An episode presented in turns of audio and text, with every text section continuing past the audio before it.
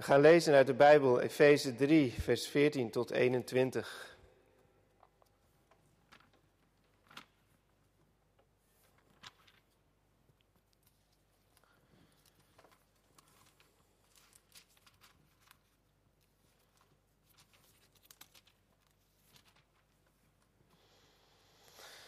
De schriftlezing van vandaag op deze tweede Pinksterdag is Efeze 3, vers 14 tot en met 21.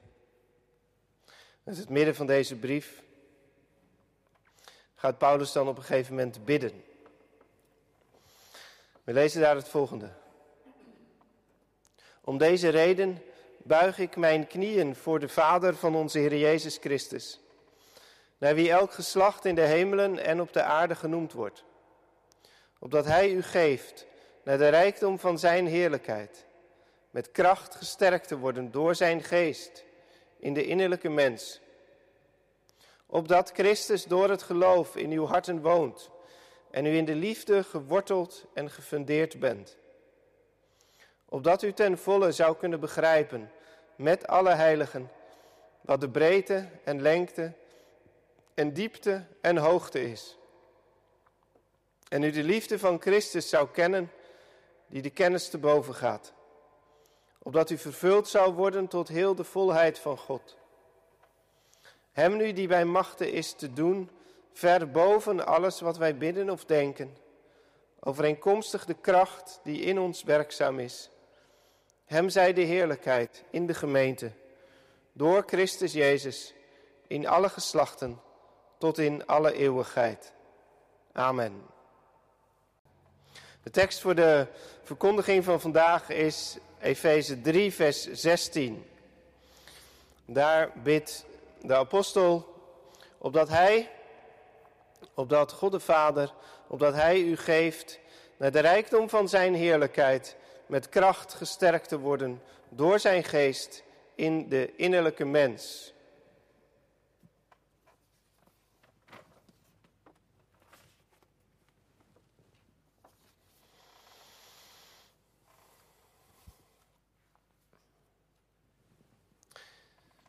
Gemeente van Christus, bij Pinksteren hoort ook bidden.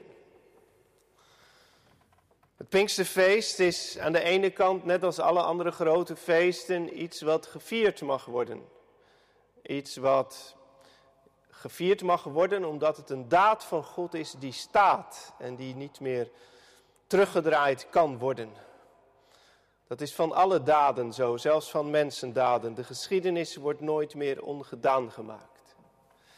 Napoleon heeft eenmaal zijn slag verloren en nu heeft hij hem voor goed verloren. De nachtwacht is eenmaal gemaakt en nu is die voor eeuwig gemaakt. En zo is het met de daden van God ook, die wij vieren op onze grote feesten van kerst, een Goede Vrijdag, een Pasen, en ook Pinksteren. Wij vieren de daden van God.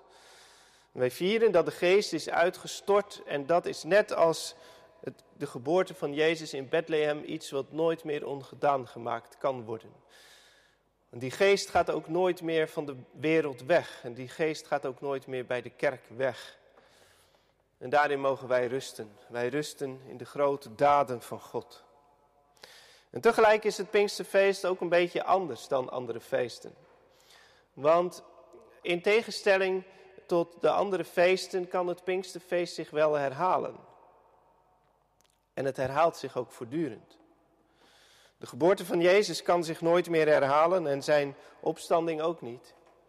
Maar als je het boek Handelingen leest, dan zie je dat datgene wat in, Genesis, wat in Handelingen 2 gebeurt, de uitstorting van de Heilige Geest, dat dat steeds weer gebeurt. Steeds weer komen er tongen als van vuur op de mensen. Steeds weer beginnen ze in andere talen te spreken. Steeds weer worden ze vervuld en vallen ze in de Heilige Geest. Op elke nieuwe plek eigenlijk waar het evangelie komt, gebeurt dat. En dat laat zien dat Pinksteren toch anders is, omdat het het enige is dat zich herhalen kan en nog steeds herhaalt. En daarom hoort bij het Pinksterfeest ook meer dan de andere feesten de vorm van het gebed. Bij de andere feesten hoort eigenlijk het danken. Wij danken voor de geboorte van Christus. Wij danken voor zijn dood. Wij danken voor zijn opstanding. Maar als je de liederen van het Pinksterfeest bekijkt, dan zijn dat eigenlijk veel meer gebeden dan dankzeggingen. We hebben er ook een paar gezongen al. Bijvoorbeeld gezang 250. Kom heilige geest, gij vogel gods, daal neder waar gij wordt verwacht. In de modus van het gebed wordt gesproken en wordt gevierd. Pinkster is dus enerzijds een volheid en anderzijds openbaart het ons juist de leegte van ons leven. Dat ons leven zich uitstrekt, dat ons leven een gebed is. En daarom is het eigenlijk ook wel mooi om op deze tweede Pinksterdag een gebed te lezen. Want Paulus bidt in dit gedeelte van de Efezebrief. Hij begint dit gedeelte met te zeggen: Ik buig mijn knieën voor de Vader van onze Heer Jezus Christus. En je knieën buigen, dat doe je alleen voor God. Echt mens zijn is niet buigen, niet voor de overheid, niet voor andere mensen, maar alleen voor God. Maar voor God buig je dan wel. Ik buig mijn knieën voor de Vader. Dat is bidden. En Paulus bidt zo in de gemeente en voor de gemeente. Voor ons wordt er gebeden in een plechtig gebed. De Efezebrief bestaat eigenlijk uit hele plechtige, allemaal hele lange zinnen, volzinnen. Zinnen die heel rijk zijn ook van wat wij zouden noemen theologische doordenking. Daarom ook veel begrippen. Daarom kan het ook op het eerste gezicht een brief zijn die ver van je afstaat. Maar als je hem probeert klein te krijgen, dan is hij ook heel rijk naar zijn inhoud.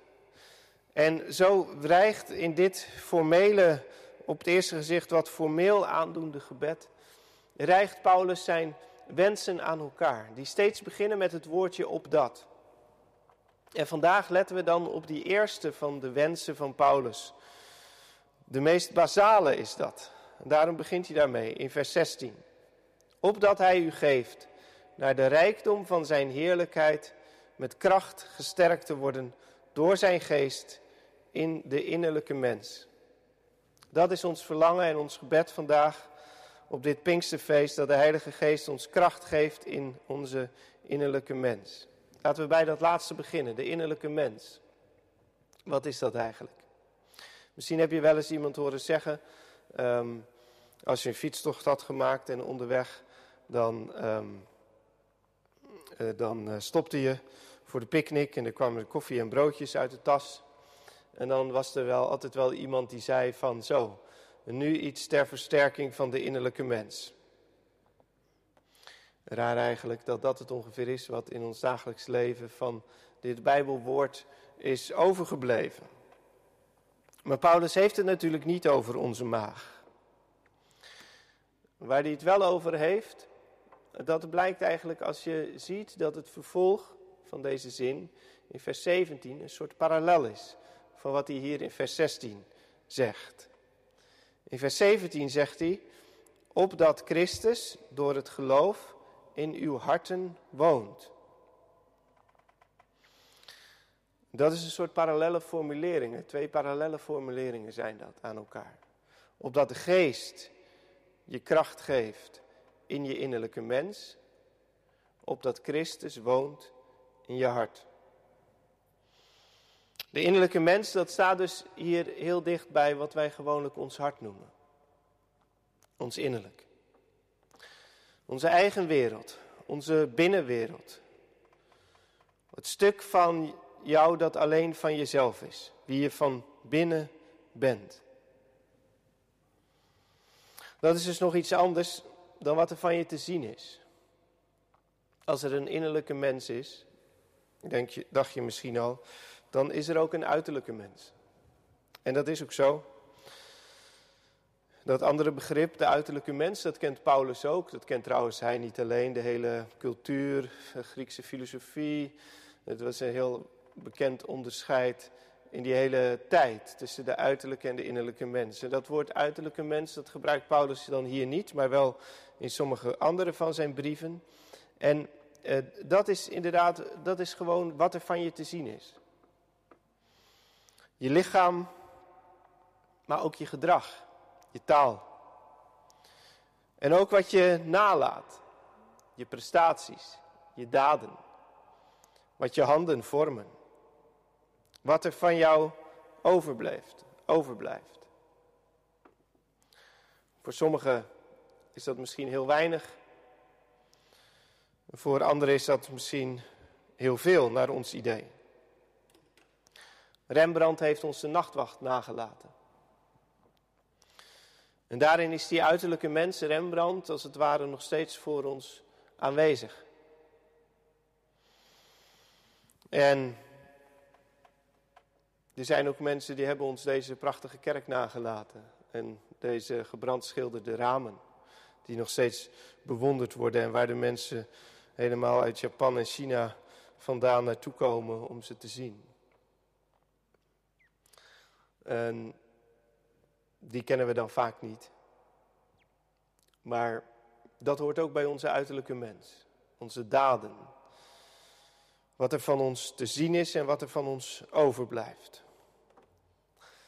En toch is Paulus van die uiterlijke mens niet zo onder de indruk.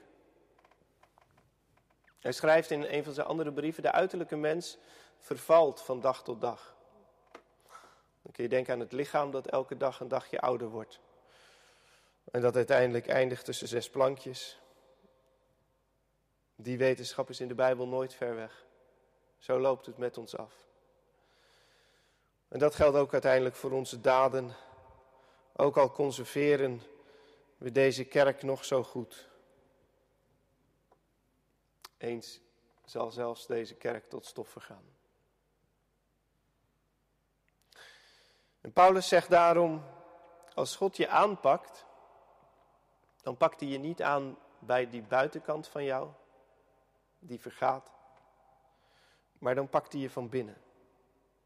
Want dat is Pinksteren. Pinksteren is het feest daarvan dat God ons aanpakt.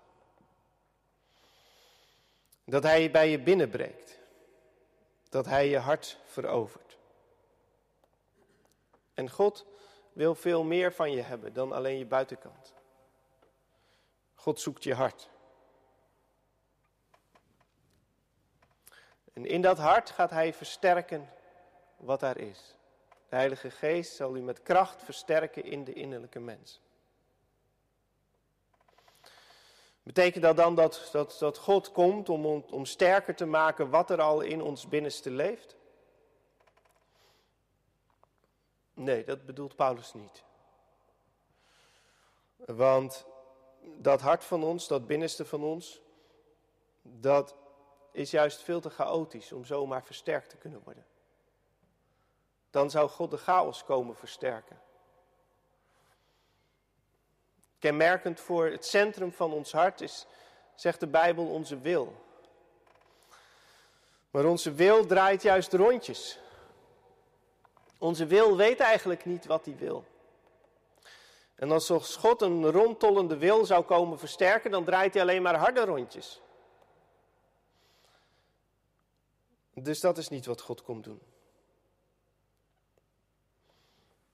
Wie wij eigenlijk van binnen zijn, dat is niet zozeer een kracht. Dat is veel meer de zwakte. Anderen heeft hij gered, zichzelf kan die niet redden. Dat is eigenlijk wat geldt van die innerlijke mens. Dat zeiden ze zelfs tegen Jezus toen hij aan het kruis hing.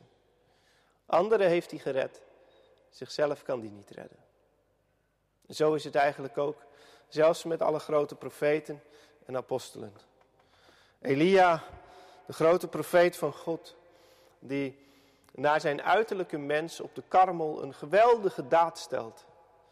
Als al die Baalpriesters bezwijken en als het hele volk roept, alleen de Heere is God. En dan denken we, nu gaat Elia de geschiedenis in. Als de grote profeet die de Baalpriesters tot zwijgen heeft gebracht. Kijk, daar staat hij met zijn daden.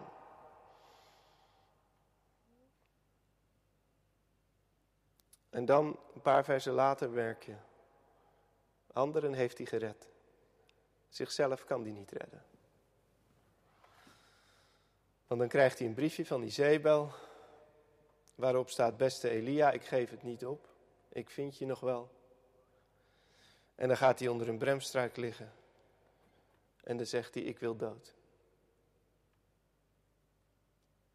Dat is de innerlijke mens. Dat is dat je beseft, anderen kan ik redden.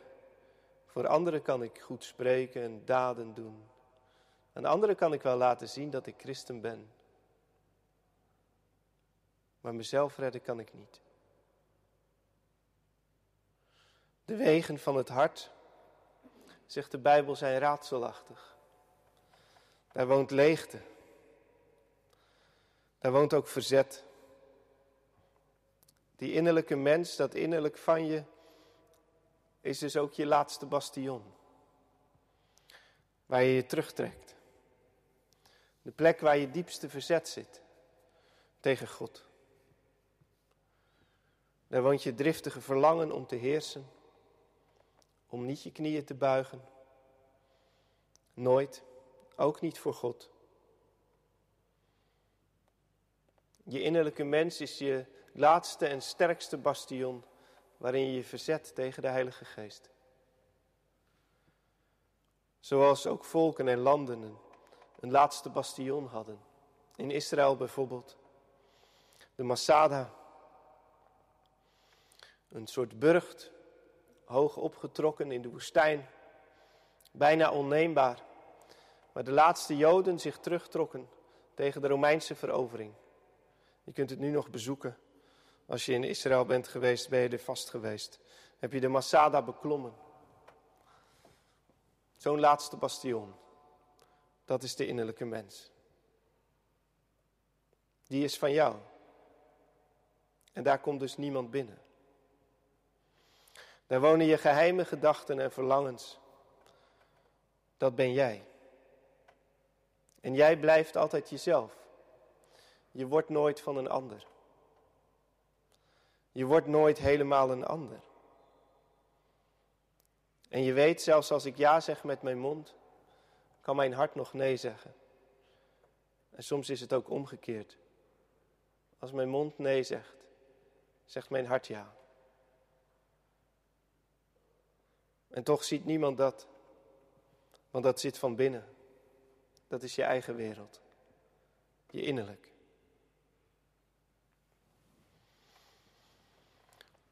En nou zegt Pinksteren, God komt ook dat laatste bastion van ons innemen. Dat is wat we vandaag vieren voor de tweede dag. Pinksteren betekent dat God ook in dat laatste bastion van ons binnendringt en ons daar echte kracht gaat geven. Als je zo de geschiedenis gelezen hebt en je hebt hem ongetwijfeld gehoord, deze Pinksterdagen uit Handelingen 2, dan lijkt het alsof daar iets heel spectaculairs gebeurt. En daar kun je je makkelijk door laten afleiden. Door de uiterlijke gebeurtenissen. Vlammen op de hoofden. Mensen die ineens spreken in andere talen. Wind die ineens door een gesloten ruimte gaat. Je had zoiets misschien ook wel eens mee willen maken. Zoiets spectaculairs. Dat je echt merkt dat God er is. Ik zou zeggen, vergis je niet. Want ook daar is dat slechts een uiterlijk teken van het echte, dat ook daar bij dat eerste Pinksterfeest van binnen gebeurt. Want daar moet je echt sterk voor zijn. Trucjes als vlammetjes op de hoofden, dat kunnen anderen ook wel. Maar mensenharten binnenbreken en veranderen. Daar is almacht voor nodig. Als we aan de almacht van God denken, moeten we misschien wel het allereerst denken aan de Heilige Geest.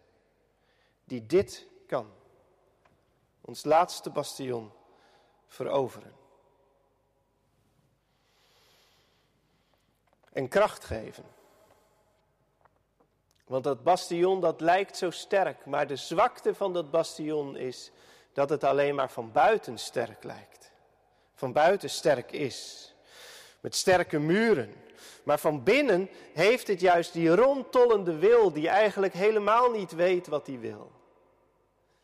En een hart dat versterkt wordt, betekent dat hij van binnen die pijl van die wil wordt stilgezet en richting krijgt. Dat hij niet langer sterk is van buiten, maar sterk van binnen. Dat dat hart niet langer meer meefladdert met alles wat zich aandient, maar richting vindt, doel, zin, houvast. Dat is een sterk innerlijk mens. Een echt sterk innerlijk mens. Misschien is het wel zo dat je ook binnenkant en buitenkant christenen hebt. Buitenkant christenen hebben zich alleen aan de buitenkant door God laten vastpakken. Ze hebben hun gedrag zo aangepast dat ze eruit zien als christenen. Dat is de indruk die je van ze krijgt. Hun woorden passen daarbij, hun daden passen daarbij. Wat ze doen en niet doen, past daarbij. Zodat je meteen de indruk van ze krijgt, echte christenen. En toch is het nog niet echt Pinksteren voor ze geworden. Want het laatste bastion hebben ze altijd voor zichzelf gehouden.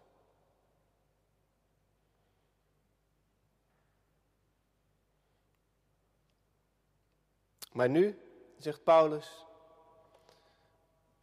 nu komt de geest je van binnen kracht geven.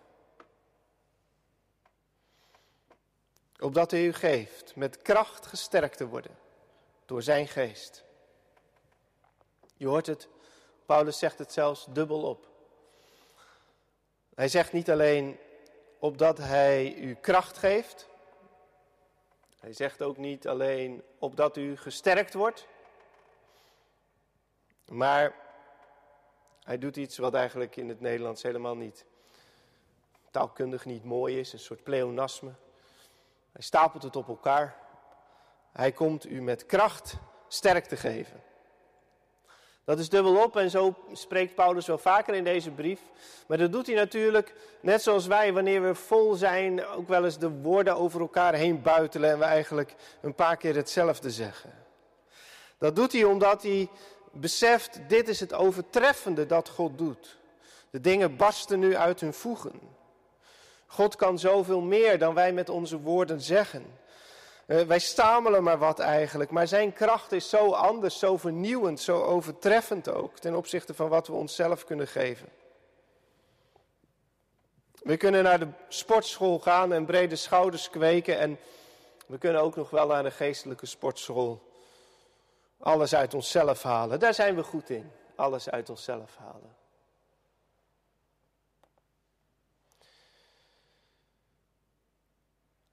Maar als de geest over je komt, dan gaat hij niet iets wat al in jou zit sterker maken. Maar iets nieuws dat van buiten wordt ingebracht. Dat gaat je op een heel andere manier sterk maken. Niet als iets dat van jou wordt.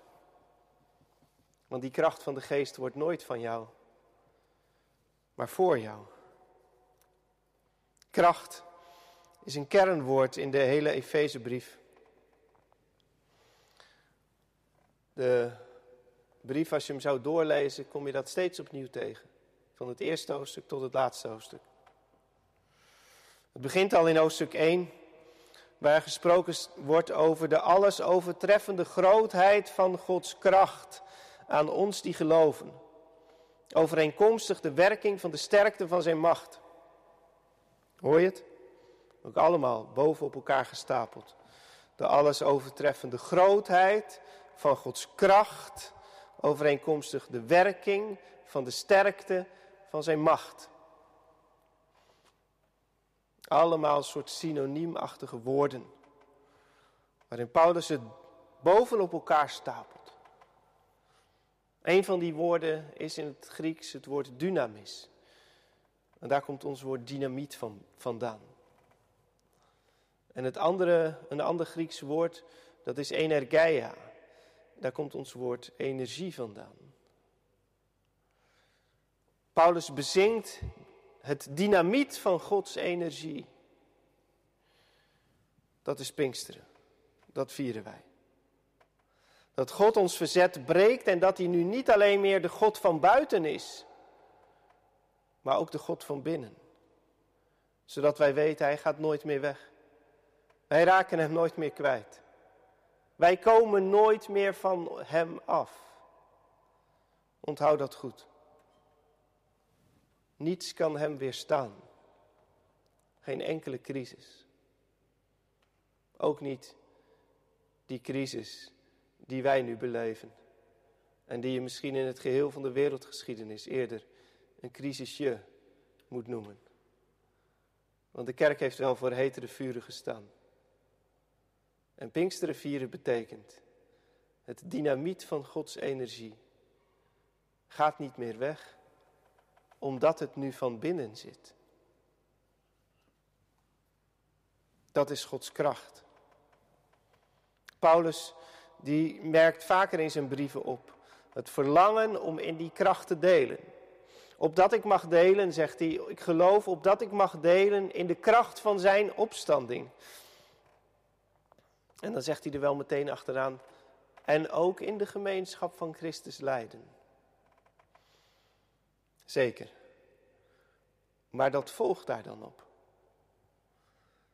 Ik geloof om te delen in de kracht van Christus opstanding, want dan heb ik ook de kracht om te delen in zijn lijden. Dat wil zeggen, in zijn lijden, in de gemeenschap aan het lijden, weet ik mij dan getroost. En troost is de kracht die je ondervindt in het lijden. Zo werkt de geest. Over de Heilige Geest gaat het eigenlijk helemaal nog niet zo heel veel in deze Efezebrief. Het staat nog in de kinderschoenen, het nadenken over wat de Heilige Geest eigenlijk precies is en wat hij doet. Maar hiermee is eigenlijk misschien het belangrijkste wel genoemd. En daarmee weten we dan ook wat christen zijn eigenlijk is. Weten we opnieuw hoe het bedoeld is. Christen zijn is eigenlijk heel gewoon zijn van buiten, maar nieuw van binnen. Gewoon, zwak, kwetsbaar, verwondbaar van buiten. Net als alle andere mensen. Dat vergaat van dag tot dag. Daar blijft niets van over. Daar hoeven we ook helemaal niet trots op te zijn of stoer over te doen. maar sterk, onoverwinnelijk van binnen. Wij hebben het veel te veel gezocht in het omgekeerde. Sterk zijn van buiten. Sterk zijn door de dingen die je doet en die je zegt. Door de indruk die je maakt. En sommige mensen laten zich daarvoor verleiden, daardoor verleiden om te denken dat je ook sterk bent van binnen. Terwijl dat vaak helemaal niet zo is en niet zo was. Deden we ons als christen ook vaak veel sterker voor dan we waren.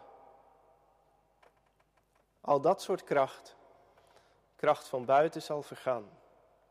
Met alles wat uiterlijk is. Maar Pinksteren, echt geloven in Pinksteren, is dat God de stap kan maken. Niet van zijn buitenkant naar onze buitenkant, maar van zijn binnenkant naar onze binnenkant. Want de geest, dat is het binnenste van God. Het binnenste van God, zoals onze geest ons binnenste is. En hij wil ons sterk maken naar de rijkdom van zijn heerlijkheid. Dat is wat Paulus zegt aan het begin van dit vers. En waar ik nu aan het eind nog iets over zeg. Naar de rijkdom van zijn heerlijkheid zal hij u versterken met zijn geest. Dat wil zeggen dus inderdaad, daar krijgen wij deel aan. Zoals God ons niet aan de buitenkant pakt, zo krijgen wij ook niet maar deel aan de buitenkant van God, maar wij krijgen deel aan de rijkdom van Zijn heerlijkheid, aan Hemzelf. De geest is niets minder dan God zelf, God in eigen persoon. En God is heerlijk, dat betekent majesteitelijk, imponerend, overweldigend, luisterrijk, volmaakt. Zoals een boom die in de zomer staat te pronken op een open veld met zijn bladeren en vol vruchten. In de volle zon. Dan zeg je dat is een heerlijke boom. Zo is God een heerlijke God. En hij deelt uit naar die rijkdom, naar die rijkdom van zijn heerlijkheid. Hij laat ons delen in zijn rijkdom. De geest is degene die de afstand overbrugt tussen Gods rijkdom en onze armoede. En dat is de kracht. Vandaag hoor je dus op deze tweede Pinksterdag. Verwacht grote dingen van God. Verwacht grote dingen van God. 3000 mensen werden toen op één dag geraakt. Van binnen. En daardoor gingen ze geloven, vertrouwen. Kreeg de pijl van hun hart richting. Die God leeft nog steeds. En daarom mag je bidden. Buig zelf, zou ik zeggen, je knieën voor de Vader. In het vertrouwen dat God wat kan. Dat hij echt wat kan. En durf hem daarom ook te vragen. In die dingen waarin je zelf richting nodig hebt in je leven. Wetend, ons leven is niet ten dode opgeschreven. Ons uiterlijk, dat is ten dode opgeschreven. Maar wij kunnen groeien in iets dat eeuwig is. Waarin het uitzicht van ons leven steeds groter zal worden. Dat zegt Paulus in het verloop van dit gedeelte dan ook. Als je innerlijk sterker wordt, ga je samen met alle andere heiligen ook steeds meer diepte zien, steeds meer hoogte, steeds meer lengte, steeds meer breedte in alles van wat God je wil geven. Dan wordt God als het ware ook steeds groter voor je. En zijn heerlijkheid steeds heerlijker. Pest die God niet weg. Doof die geest niet uit.